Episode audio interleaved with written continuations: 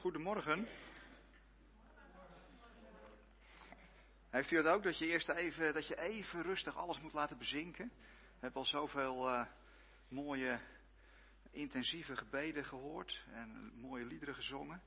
Even bezinken. Ik zou bijna zeggen, eerst even koffie, maar even, even de overgang maken. Ah, nu uh, uh, komt er plotseling een echo. onlangs was ik in Rotterdam en daar werd ik welkom geheten. Ik was maar iets te laat. En uh, toen zei die, uh, de broeder aan de deur: Zo Wim, fijn dat je er bent. Het is altijd bij jou weer spannend of je komt en spannend wat je gaat zeggen. Nou, dat uh, heb ik maar als een compliment opgevat. is het nog.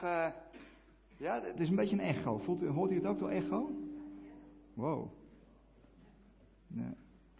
Oké, nou, we gaan gewoon rustig door. Het ging, uh, in, in, de liederen ging het over Jezus als de verheven koning. Komt helemaal weer terug, dat begrip verheven ook. Ook het koningschap van Jezus. Uh, vorige week was ik in, in, de Messiaanse gemeente in Soest. En hadden ze onder andere een lezing uit, uh, uit Johannes. Uit Johannes 12. En, en, die wilde ik eigenlijk nog eens met jullie lezen. En sorry, Johannes 6. En Johannes 12 kom ik zo nog op. Uh, Johannes 6. Ik wil een aantal versen met jullie graag even lezen. En de rust in het geluid is helemaal top nu. Uh, daarna vertrok Jezus naar de overzijde van de zee van Tiberias in Galilea. En hem volgde een grote schare, omdat zij de tekenen zagen die hij aan zieken verrichtte. En Jezus ging de berg op en zat daar neder met zijn discipelen. En het feest der Joden was nabij. Toen Jezus dan zijn ogen opsloeg en zag dat een grote schade tot hem kwam, zeide hij tot Filippus: Waar zullen wij broden kopen dat deze kunnen eten? Maar dit zeide hij om hem op de proef te stellen, want hij wist zelf wat hij doen zou. Filippus antwoordde hem: 200 schellingen brood is voor deze niet genoeg als ieder een kleine hoeveelheid zal krijgen. Een van zijn discipelen, Andreas, de broer van Simon Petrus, zeide tot hem: Hier is een jongen die vijf gestenbroden en twee vissen heeft. Maar wat betekent dit voor zoveel? Jezus zei: Laat de mensen gaan zitten. Nu was er veel gras op die plaats. De mannen gingen dus zitten ten getale van omstreeks vijfduizend. Jezus dan nam de broden, dankte en verdeelde ze onder hen die daar zaten, evenzo van de vissen zoveel als zij wensten. En toen zij verzadigd waren, zei hij tot zijn discipelen: Verzamelt de overgebleven brokken, opdat niets verloren gaat. Zij verzamelden die dus en vulden twaalf korven met brokken van de vijf gestenbroden die overgeschoten waren nadat men gegeten had. Nou, dan valt zo'n emmer nogal mee, toch? Uh, toen dan de mensen zagen welk teken hij verricht had, zeiden zij, deze is waarlijk de profeet die in de wereld komen zou. Daar Jezus bemerkte dat zij zouden komen en hem met geweld meevoeren om hem koning te maken, trok hij zich weder terug in het gebergte geheel alleen. Nou, ik, kom zo weer op dit gedeelte terug, maar wat ik eigenlijk met jullie wil doen deze morgen, uh, uh, is even kijken van, wat was nou eigenlijk de missie van Jezus? We zitten zo vlak tegen Pasa, nog een paar weken. Waar kwam die nou eigenlijk voor? Uh, en als je dat vraagt aan mensen, ik, ik doe dat dan wel stiekem, voor joh, waar kwam die nou eigenlijk voor? Dan wordt het meestal, als ik dan vraag, wat is nou de missie van Jezus? Dan wordt het meestal eerst even heel erg stil. Van, ja, wat kan u nou eigenlijk doen? En dan gaat het meestal gelijk over kruis eh, en over opstanding. En, en daartussenin zit eigenlijk niet zo heel erg veel. Nou, ik wil je eens een klein beetje meenemen over wat heeft Jezus er nou zelf over gezegd? Waar kwam hij nou eigenlijk voor? Wat heeft hij, wat heeft hij gedaan? En wat is het resultaat dus ik, ga je gewoon een klein beetje meenemen in, in dat verhaal van, van Jezus zelf. En soms kan één enkel woordje heel erg belangrijk zijn. Als je iemand ten huwelijk vraagt, dan hangt je hele toekomst op dat moment af van dat ene woordje. Ja, nee, of misschien, ik zal er eens over nadenken. Ja, misschien is dat ook wel een beetje nee, ja, soms wel. En in, in de Bijbel gaat het over één heel belangrijk woord: evangelie. Je zou kunnen zeggen, in dat woord evangelie komt alles samen. Die hele christelijke boodschap. Uh, er is een, een soort beslissende doorbraak in de wereldgeschiedenis. En dat zit allemaal vast in dat woordje evangelie. Maar wat is dat dan, als dat zo'n belangrijk woordje is, evangelie? Het, het, is eigenlijk een vertaling van, vanuit het Grieks, wat betekent goed nieuws. Goed nieuws. Uh, het is, je zou kunnen zeggen, het is de goede boodschap. Het Engelse woord gospel, dat, dat ja, de good spel, goede boodschap. Nou, en dat woord evangelie, Jezus gebruikte dat woord vaak om zijn eigen communicatie te typeren. Jezus had het vaak over het evangelie. Maar wacht even, hoe klonk dat woordje nou in die tijd? Het klinkt bij ons bijna een beetje ouderwets. Uh, het evangelie, het goede nieuws. Denk, ja, het zal wel. Maar hoe klonk datzelfde woord, evangelie, vanuit het Grieks, hoe klonk dat nou in de tijd van Jezus? Waar dachten mensen aan als ze dat woord hoorden? Als ze dat woord evangelie hoorden? Laten we even naar de context kijken. We verplaatsen ons even in de hoorders van Jezus. Gaan we even terug naar de eerste eeuw, de Joodse toehoorders. Zij kenden de schriften. En, en dat woord evangelie komt ook in het Oude Testament. Uh, op vier plekken staat dat werkwoord evangelie. Steeds bij de profeet Jezaja. Uh, en waar gaat het dan over bij Jezaja als het gaat om het woord evangelie? Uh, Jezaja kondigde aan dat de ballingschap binnenkort afgelopen is. Een deel van de Israëlieten was in de zesde eeuw naar Babel gevoerd en daar werden ze min of meer gevangen gehouden. Uh, en ene Chorus die zei, nou jullie mogen wel een keertje terug naar Israël. En, en uiteindelijk worden ze vrijgelaten en mogen ze terugkeren. En, en Jezaja brengt dat niet als een nieuwsberichtje. Hallo, goed nieuws. Uh, goed nieuws, kranten gaan meestal ten onder, hè? want kennelijk zijn we een beetje verslaafd aan, aan wat minder goed nieuws. Maar Jezaja brengt dat als een kosmische omwenteling. Er gaat iets ongelooflijks gebeuren. Er komt een periode dat God van alle vijanden wint. En komt een periode, zegt Jezaja, dat God koning wordt. Er komt een periode dat Gods plannen op de aarde worden uitgevoerd. Er komt een periode dat het helemaal goed komt. Nou, citaat uit Jezaja. We hebben het over dat woordje evangelie, hè? Hoe welkom is de vreugdebode, staat er bijvoorbeeld. Die over de bergen komt aangesneld. Die vrede verkondigt en goed nieuws brengt. Daar heb je dat werkwoord evangelion. Die redding aankondigt en tegen Sion zegt, je God is koning. Nou, er zijn in de Joodse Bijbel tientallen teksten die iets dergelijks aankondigen over het koningschap van God. Een plek, dat koningschap van God, waar alle mensen werkelijk thuis komen, werkelijk thuis zijn. Dat Gods wil doordringt in de wereld. God is koning. En eh, je leest ook in het Oude Testament regelmatig als God die opklimt naar Sion en daar koning wordt. Nou, Sion, de belangrijkste berg van Jeruzalem, de hoofdstad van Israël. Het betekent zoiets als God komt binnen in het hart van zijn volk. Nog een voorbeeld. Juich, Sion. Jeruzalem, schreeuw het uit van vreugde. Je koning is in aantocht, bekleed met gerechtigheid. Nederig komt hij aanrijden op een ezel. Jezus gaat dit later allemaal doen wat hier staat. Uh, op die dag brengt God zijn volk als een kudde in veiligheid. Jonge mannen en vrouwen bloeien op. Nou, wat verwachten nou de Joodse toehoorders van Jezus? Die verwachten dus heel concreet in Jezus' tijd dat ze zich eindelijk thuis zouden gaan voelen. God zou de vijanden verslaan. Alles wat je te neerdrukt zou verdwijnen. Het kwaad zou worden opgelost. En concreet dachten ze, eh, als er een verlosser komt, als er een Messias komt, dan zal die de Romeinse legers, eh, die hun land al een eeuw bezet hielden, Israël was bezet gebied, eh, en gruwelijk uitbuiten, die, zou, die zouden verdreven worden. Er zou een troonswisseling komen. Keizer Augustus zou worden opgevolgd door God. God zou koning worden. Een nieuw rijk. Gewoon in Israël. vanuit Jeruzalem. En de grote nakomeling van koning David zou regeren. En die grote nakomeling noemden ze Messias. Wat gezalfde betekent. En gezalfde, ja, koningen worden bij hun aanstelling besprenkeld met olie. Uh, en omdat hij voluit God gehoorzaam zou zijn, werd hij ook wel zoon van God genoemd. En zijn nieuwe staat, koninkrijk van God. Dit zat allemaal in de hoofden van die Joodse toehoorders. Trouwens, tussen haakjes, er was al een koninkrijk. Er was al een koninkrijk, een concurrerend wereldrijk, dat van de Romeinen. En de Romeinen kenden ook hun evangelie. Die gebruikten datzelfde woord. Er is bijvoorbeeld een inscriptie gevonden die de verjaardag van de eerste keizer herdenkt, Augustus. En daar staat letterlijk de goede boodschap van Augustus. Het evangelie van Augustus.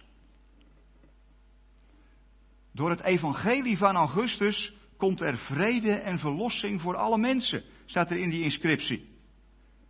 Waarna er zelfs een nieuwe jaartalling startte. Het was letterlijk een nieuw begin van de wereld. We hebben twee concurrerende evangeliën. Je hebt het evangelie van keizer Augustus. En, je hebt het, en, en, en Jezus komt daar en die predikt het evangelie. Iedereen, alle harigen overeind staan als hij dat woord gebruikt. Dus denk, wacht even, wat gaat hier gebeuren? Waar heeft hij het over? Wat zijn zijn aspiraties dan? Zoals wij aspiraties hebben met het woord Koningsdag. Als je het woord Koningsdag laat vallen, heb je meteen allerlei plaatjes in je hoofd. Misschien wel van al die uh, boeiende ik, uh, spelletjes die we dan spelen met elkaar. Uh, of de, koning, die, dit jaar komt hij in Amersfoort. Aangezien ik in Amersfoort woon, is dat toch wel bijzonder. Hè? In ieder geval wat niet doorgaat is de kleedjesmarkt in de binnenstad vanwege de veiligheid. Uh, die hebben ze maar afgeschaft. Dus de koning en de koningin komen in Amersfoort. Nou, meteen heb je allerlei beelden voor je. En iedereen heeft daar wel herinneringen bij of verwachtingen bij. Of misschien ben je wel een vervent republikein en denk je, uh, wanneer stopt dat lintjesknippen is. Dus we hebben allerlei beelden in ons hoofd. En zo was het ook bij dat woord evangelie. Je had de verwachting, nu komt er een nieuwe tijd, nu komt er een nieuwe wereld zelfs. Waarin er een rechtvaardige, goede koning zou regeren. En dan hangt het af van je overtuiging. Wat vind je een goede koning? Augustus? Of God? Nu, snap je trouwens meteen dat, dat, dat dat wereldrijk van Augustus was gebaseerd op geweld. En als we heel even terugkeren naar Johannes 6, eh, dan, dan lezen we daar, eh, Jezus heeft daar wat met brood gedaan en met, met vis gedaan.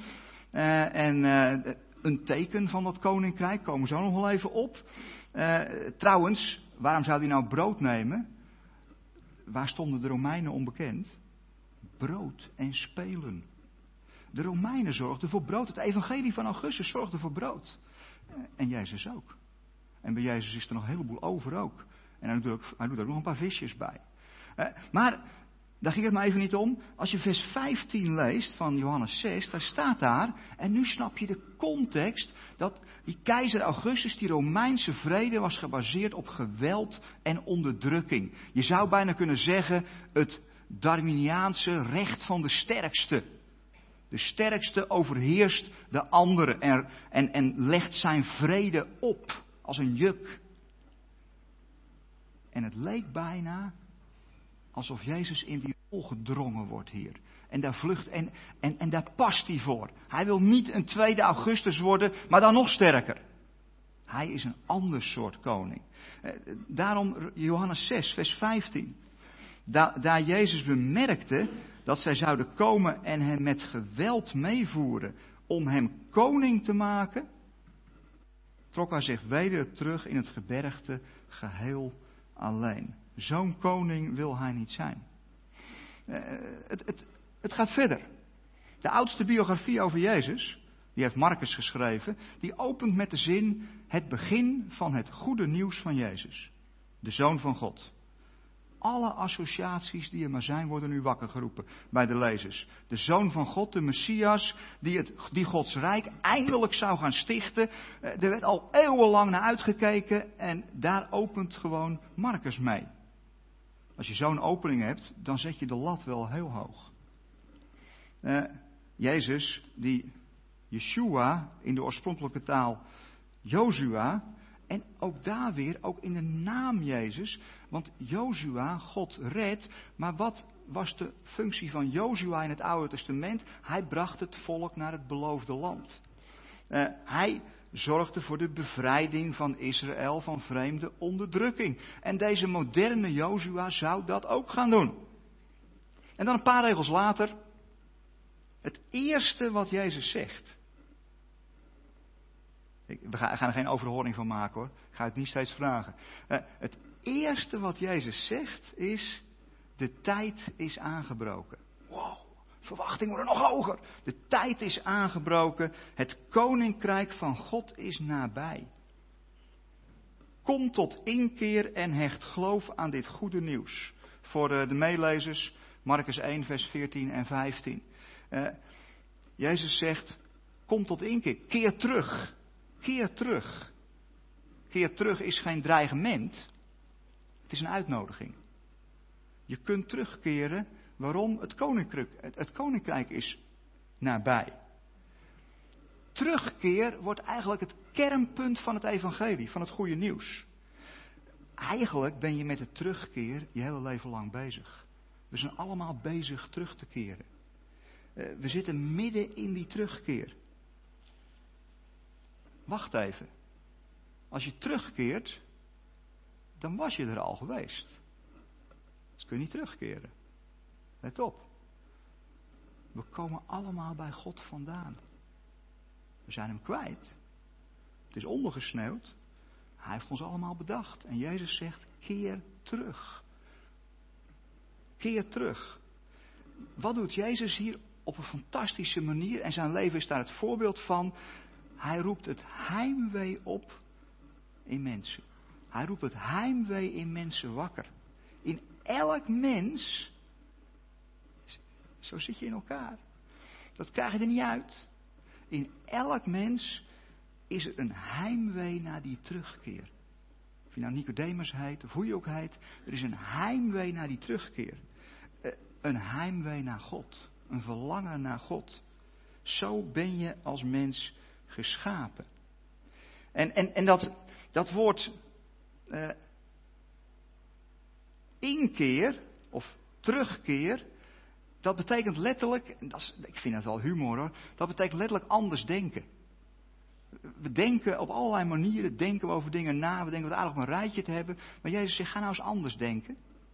Of, dit vind ik nog mooier, letterlijk moet je het eigenlijk vertalen met achterdenken.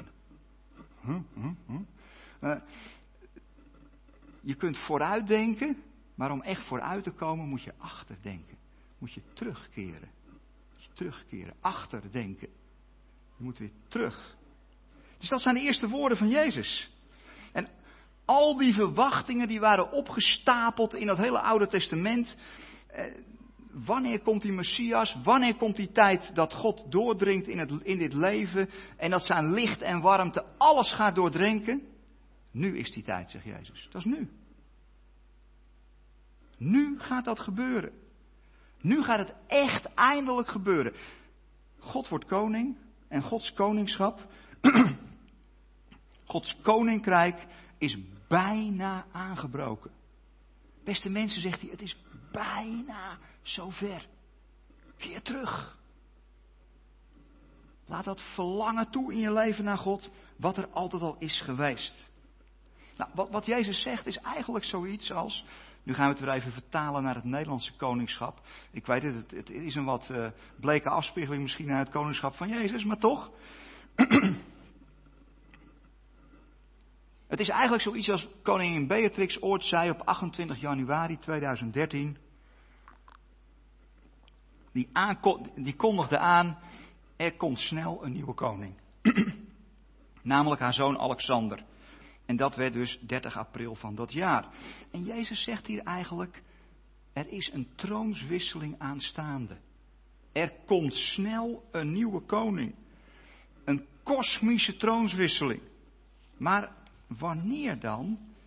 En hoe dan? En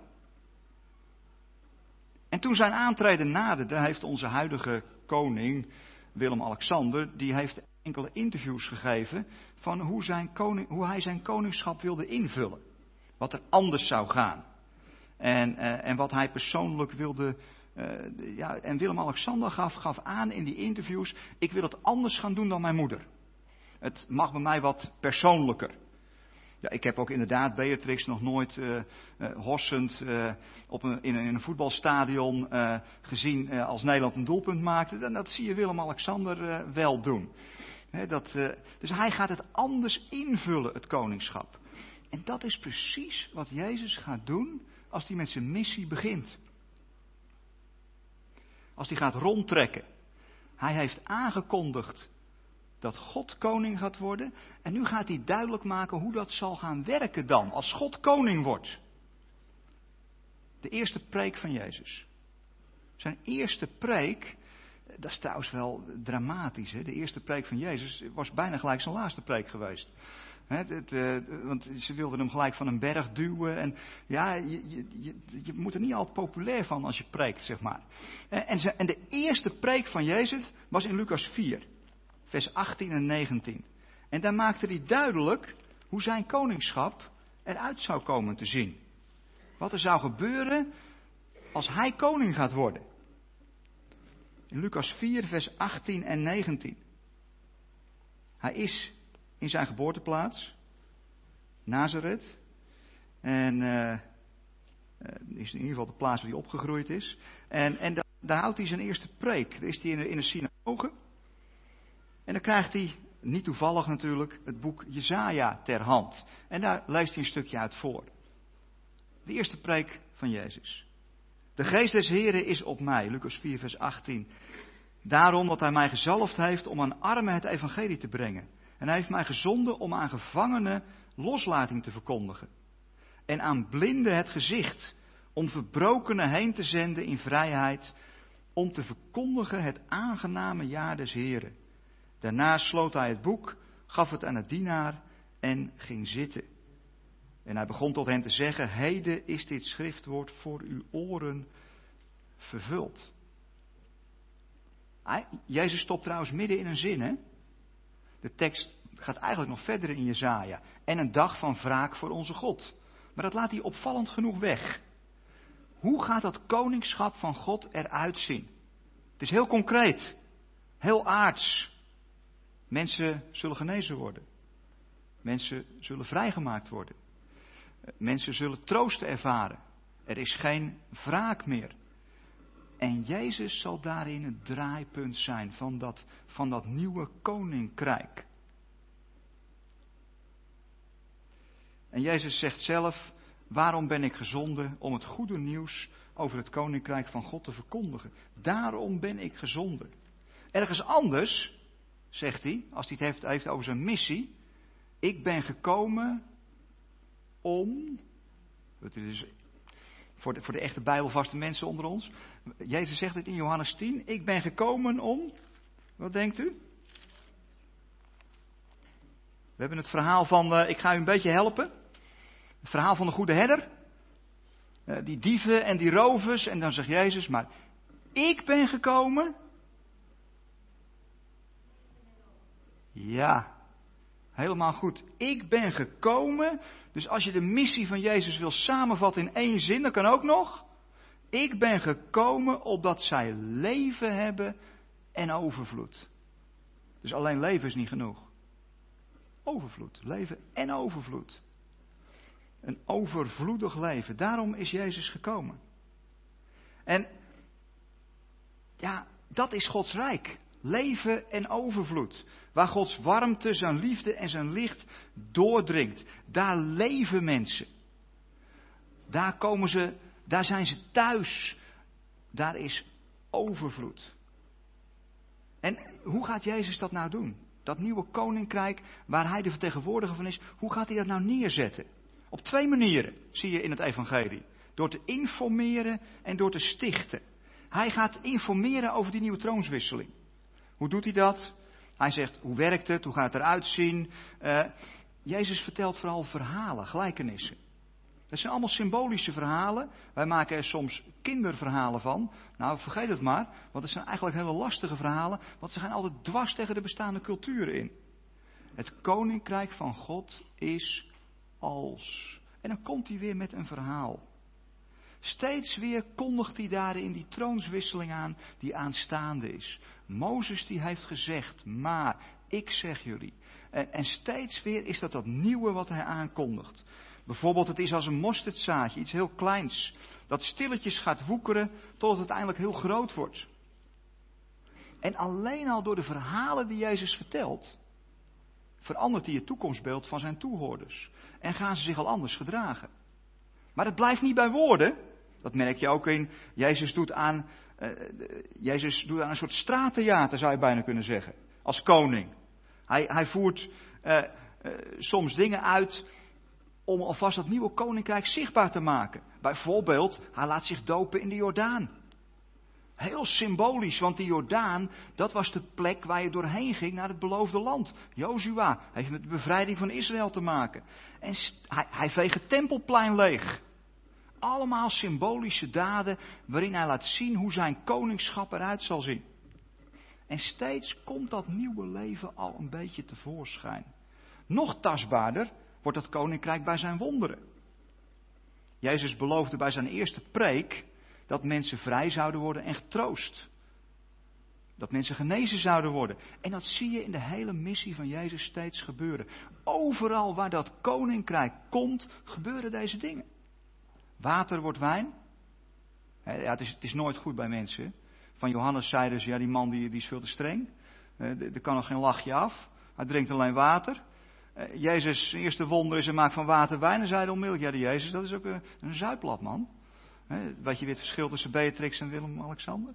Maar in ieder geval, dus zo werd dat steeds weer neergezet. Water werd wijn, visjes en brood vermenigvuldigen zich. Hij loopt over water, zieken genezen, demonen vluchten. Allemaal in feite tekenen van dat nieuwe rijk. Het is als het ware dat nieuwe rijk al in het klein. Daar waar Jezus al laat zien wat dat koningschap is. En dan gaan we naar die laatste week. Naar de climax. Het begint ermee dat hij op een ezeltje zit en Jeruzalem binnenrijdt en wordt toegejuicht als koning. En dat herkennen we, die oude profetie uit Zacharia 9.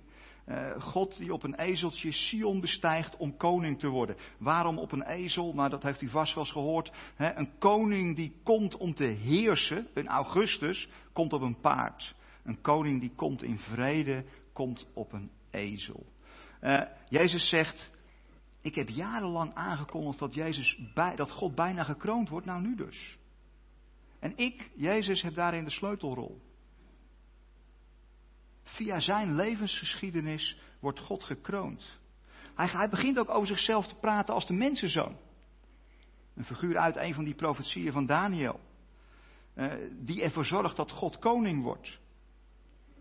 De Messias, Jezus, aanvaardt die rol. Hij is het. En nu komt alles bij elkaar. En dan, dan zegt hij aan het einde van zijn, uh, van zijn bediening, aan het einde van zijn leven zou laten blijken, de tijd is gekomen dat de mensenzoon tot majesteit wordt verheven. De ene naar de, oude, naar de een naar de andere oude profetie, ze komen nu uit. De mensenzoon, de Messias, wordt nu koning. Dat, dat woord verheven of verhogen betekent verheffen in waardigheid. Uh, dat heeft met koningschap te maken. Wat hij al jaren aankondigde, de kosmische troonswisseling, nu is het zover. En steeds weer tegendraads, tegen de heersende verwachting in. Het is altijd weer anders als dat mensen op dat moment verwachten. Want hoe gaat dat nou precies in zijn werk? Hoe wordt Jezus nu precies koning? Uh, Johannes 12.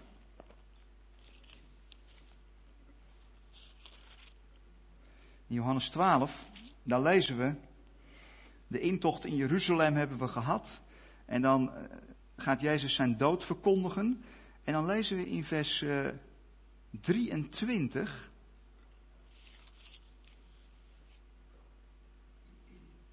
Maar Jezus antwoordde hun en zeide: De uren is gekomen dat de zoon des mensen moet verheerlijkt worden. En dat woord verheerlijkt, dat betekent letterlijk uh, zoiets, de waardigheid moet openbaar worden. De waardigheid van wie die zoon des mensen echt is, moet nu zichtbaar gaan worden. En moet erkend worden. Hij moet met glorie bekleed worden. Ik zeg het expres even zo zeer uitgebreid, want we zullen zometeen zien hoe dat gaat gebeuren. En dat kun je niet bedenken. Dat gaat zo tegen alle gevoelens in. Maar die waardigheid moet nu openbaar gaan worden van de nieuwe koning. En hoe gaat dat dan gebeuren? Nu komt het er allemaal op aan. Eh, hoe dan precies? Hoe gaat die waardigheid van de koning, hoe gaat die kroning plaatsvinden? Dat lezen we in vers 32 en 33.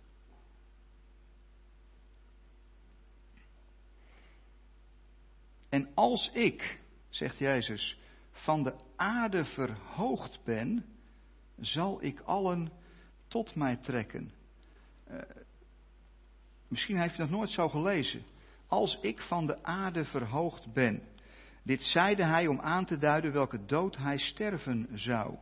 Dat woord verhogen wat hier staat, als ik van de aarde verhoogd ben, betekent ook heel letterlijk, Jezus werd aan het kruis geslagen en dat, die, paal, die balk werd omhoog getild. Dus hij werd letterlijk verhoogd. Maar het woord verhogen, ik vertel u misschien een geheimpje, heeft een dubbele betekenis. Het woord verhogen betekent ook verheffen in eer en waardigheid. En nu wordt het plotseling, gaat het plotseling heel diep. Want wanneer vindt de kroning van God plaats? Op dit moment. Op dit moment wordt God koning. Op dit moment, als, zo, op het moment dat Jezus wordt verhoogd, neemt hij het koningschap aan. Aan een kruis wordt hij koning. Het, het, is natuurlijk niet voor niks. We denken, nou, dat is een soort grapje van Pilatus. Dat hij dat daarboven heeft geschreven. Jezus, koning der Joden. Hij wist natuurlijk, had geen flauw idee wat hij aan het doen was. Het was ook heel cynisch bedoeld. Van, nou, eens kijken, die koning. Maar het is werkelijk waar. Op dat moment wordt hij koning. De kruisiging van Jezus wordt de kroning van God. De kruisiging van Jezus wordt de kroning van God. Dat is zijn boodschap. Dat is de boodschap van Jezus. En daarmee vat je eigenlijk alles samen met, met, wat er op de laatste dagen op aarde met Jezus gebeurt. Wat hij al die tijd had aangekondigd, waar de profeten naar verlangden. Het koningschap van God, waar eigenlijk iedereen naar verlangt. Dat God doordringt in deze tijd. Dat de aarde weer mooi wordt, dat het kwaad wordt overwonnen dat gebeurt op het moment dat hij wordt geëxecuteerd. Dit is te bizar voor woorden. Misschien wel de grootste tegenstelling die we in onze theologie kennen. Waar je nooit over uitgedacht raakt.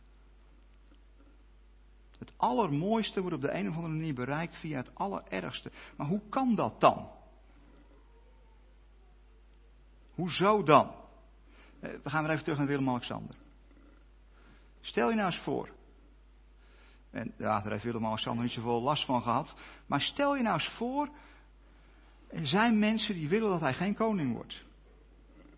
Er zijn mensen die willen dat absoluut niet. Er zijn, eh, er zijn mensen die zeggen, Jezus zijn leven was eigenlijk één grote test. In de verzoeking in de woestijn is dat heel letterlijk. Maar eigenlijk wordt hij voortdurend eh, door alle machten en krachten, door het kwaad op de proef gesteld. We lazen net Jezus overwon. Ja, maar waar overwon hij nou eigenlijk over? Nou zegt Colossense 2, over de machten en krachten, over het kwaad in deze wereld. Daar overwon hij over. Hij wordt aan alle kanten op de proef gesteld. Het is een beetje alsof Willem-Alexander allerlei tegenstanders heeft die alles op alles zetten om te voorkomen dat hij koning wordt. Ze stellen vervelende interviewvragen, prikken ze banden lek en uiteindelijk aanslag. Ze doden hem. Maar hoe kan dat nou? juist bij zijn executie bleek hij de ultieme koning te zijn. Hij gedroeg zich ultiem koninklijk, Jezus. Hoe dan? Hij bleef verbonden met God. Hij liet Gods karakter zien, juist toen hij werd doodgemarteld. Zijn tegenstanders zetten alles op alles om hem los te wrikken van God. Om hem los te wrikken van die, van die vergevende, liefdevolle, barmhartige God. Om God los te laten. Om terug te deinzen van zijn roeping. Om koning te worden. Ze zochten een manier waarop hij een sneer zou geven. Waarop hij zou zeggen: Ja, maar nu is genoeg. Nu ga ik terugslaan. Yes. En, ze, en het lukte niet. En zelfs toen hij aan het kruis hing. Toen zei hij nog tegen zijn vijanden: Vader, vergeef het ze. Want ze weten niet wat ze doen. Dit is de ultieme koning. Dit is nog nooit in de hele wereldgeschiedenis voorgekomen. Iedereen, hoe goed hij ook was, heeft uiteindelijk teruggemapt. Al is het alleen maar in zijn gedachten. En deze Jezus, zelfs in de meest extreme druk, leeft hij nog zoals God is. God is koning geworden in zijn leven. God is gekroond in zijn geest. Anders gezegd, Gods koninkrijk is nu gesticht. Voor het eerst in de geschiedenis is er een plek, een soort vrijplek, waar God volledig is doorgedrongen. Wat volledig vol is van Hem, Jezus. Deze manier van kijken naar de missie van Jezus, dat, dat is een manier die een beetje haak staat, zoals we soms gewend zijn. Soms zijn we gewend, en, en ik, ik drop het maar eventjes hoor, en dan heeft u eens wat om over na te denken. Uh, soms zijn we gewend om te denken in termen van Jezus kwam omdat God boos was, omdat wij zo slecht waren. En Jezus betaalde de straf voor onze zonde, een soort voldoening aan, aan God, zodat God daarna liefdevol via Jezus naar ons zou kunnen kijken. Nee, God en Jezus trekken hier samen op. Er is geen sprake van een straf op de zonde. Er is sprake van een overwinning over het kwaad. En natuurlijk hebben kwaad en zonde veel met elkaar gemeenschappelijk. Maar het gaat er niet om dat God boos was. God stuurde zijn zoon uit liefde. Niet om een straf aan hemzelf te voldoen. Maar om het kwaad te overwinnen. Dat kwaad wat steeds weer, God wil zijn vergeving en zijn liefde kwijt, maar hij stuitte steeds op dat kwaad. Dat kwaad moest worden overwonnen dat die hele verzoeningstheorie van de voldoening door verzoening, of de verzoening door voldoening, dat heeft zeker voor mensen buiten de kerk. Wij zijn dus inmiddels zo van, zo, zo van doordrongen dat wij niet meer doorhebben hoe absurd dat eigenlijk is. Uh, dat, dat, dat God boos is, zijn eigen zoon stuurt, daar al zijn boosheid op bot viert en dan zegt, nou nu hou ik weer van jullie. Maar dat is eigenlijk, uh, en dan, dan, zeggen we dat, dat is, dat is een mysterie. Uh, nee, het is ten diepste een restant heidens denken. De heidense goden zijn boos en breng je offers zodat ze niet meer boos zijn. Zo is onze God niet. Jezus kwam om het kwaad te overwinnen. Hij kwam niet omdat God boos was op mensen. God is altijd vergevingsgezind geweest. God is altijd liefdevol geweest. En dat zal hij ook altijd blijven. Maar dat kwaad dat stond in de weg. Dit is de ultieme doorbraak. Vanaf nu kan er een soort hemel op aarde komen. De profeten kondigen het al aan. Veel mensen verlangden erna. En Jezus is nu een soort eenpersoons paradijs. Maar het kan ook een planeetvullend paradijs worden. En dat is het nieuwe goede nieuws. Zeker nu die dood is doorbroken en de opstanding er is. Want dat is wel part 2 natuurlijk. Uh, is er een andere manier van vrede en verlossing. Een nieuwe jaartelling, een nieuw begin van de wereld. Een goede wereld waarin iedereen het volle leven kan ervaren. Ook de Heilige Geest komt hier om de hoek. Laten we dan met de Heilige Geest eindigen. In een Pinkstergemeente moet je toch eigenlijk met de Heilige Geest eindigen, vind ik. En in welke gemeente niet. Eh, laten we eerlijk zijn. Daar moeten we het allemaal van hebben. Ook weer heel mooi, in datzelfde Johannes 12, daar staat, als ik van de aarde verhoogd ben, zal ik allen tot mij trekken. Dat woord trekken, dat is zo'n prachtig woord. Dat betekent letterlijk slepen. Dus je ziet Jezus al, hij, hij, hij is verhoogd. Dat koningschap van Jezus is begonnen vanuit de diepste diepten. Hij heeft dat kwaad overwinnen. En, en dan gaat hij mensen vanuit dat kwaad, die daar vast in zitten, gaat hij naar zich toe trekken. Maar hoe doet hij dat dan? Nou, dat woord trekken, dat betekent letterlijk door inwendige kracht leiden. Dat is een mooie definitie van de Heilige Geest, vind ik. Uh, dus hoe gaat Jezus mensen naar zich toe trekken? door inwendige kracht leiden. Wauw. Ik wil je nog een hoop over zeggen, maar ik doe het niet. Ik zeg gewoon amen. Amen.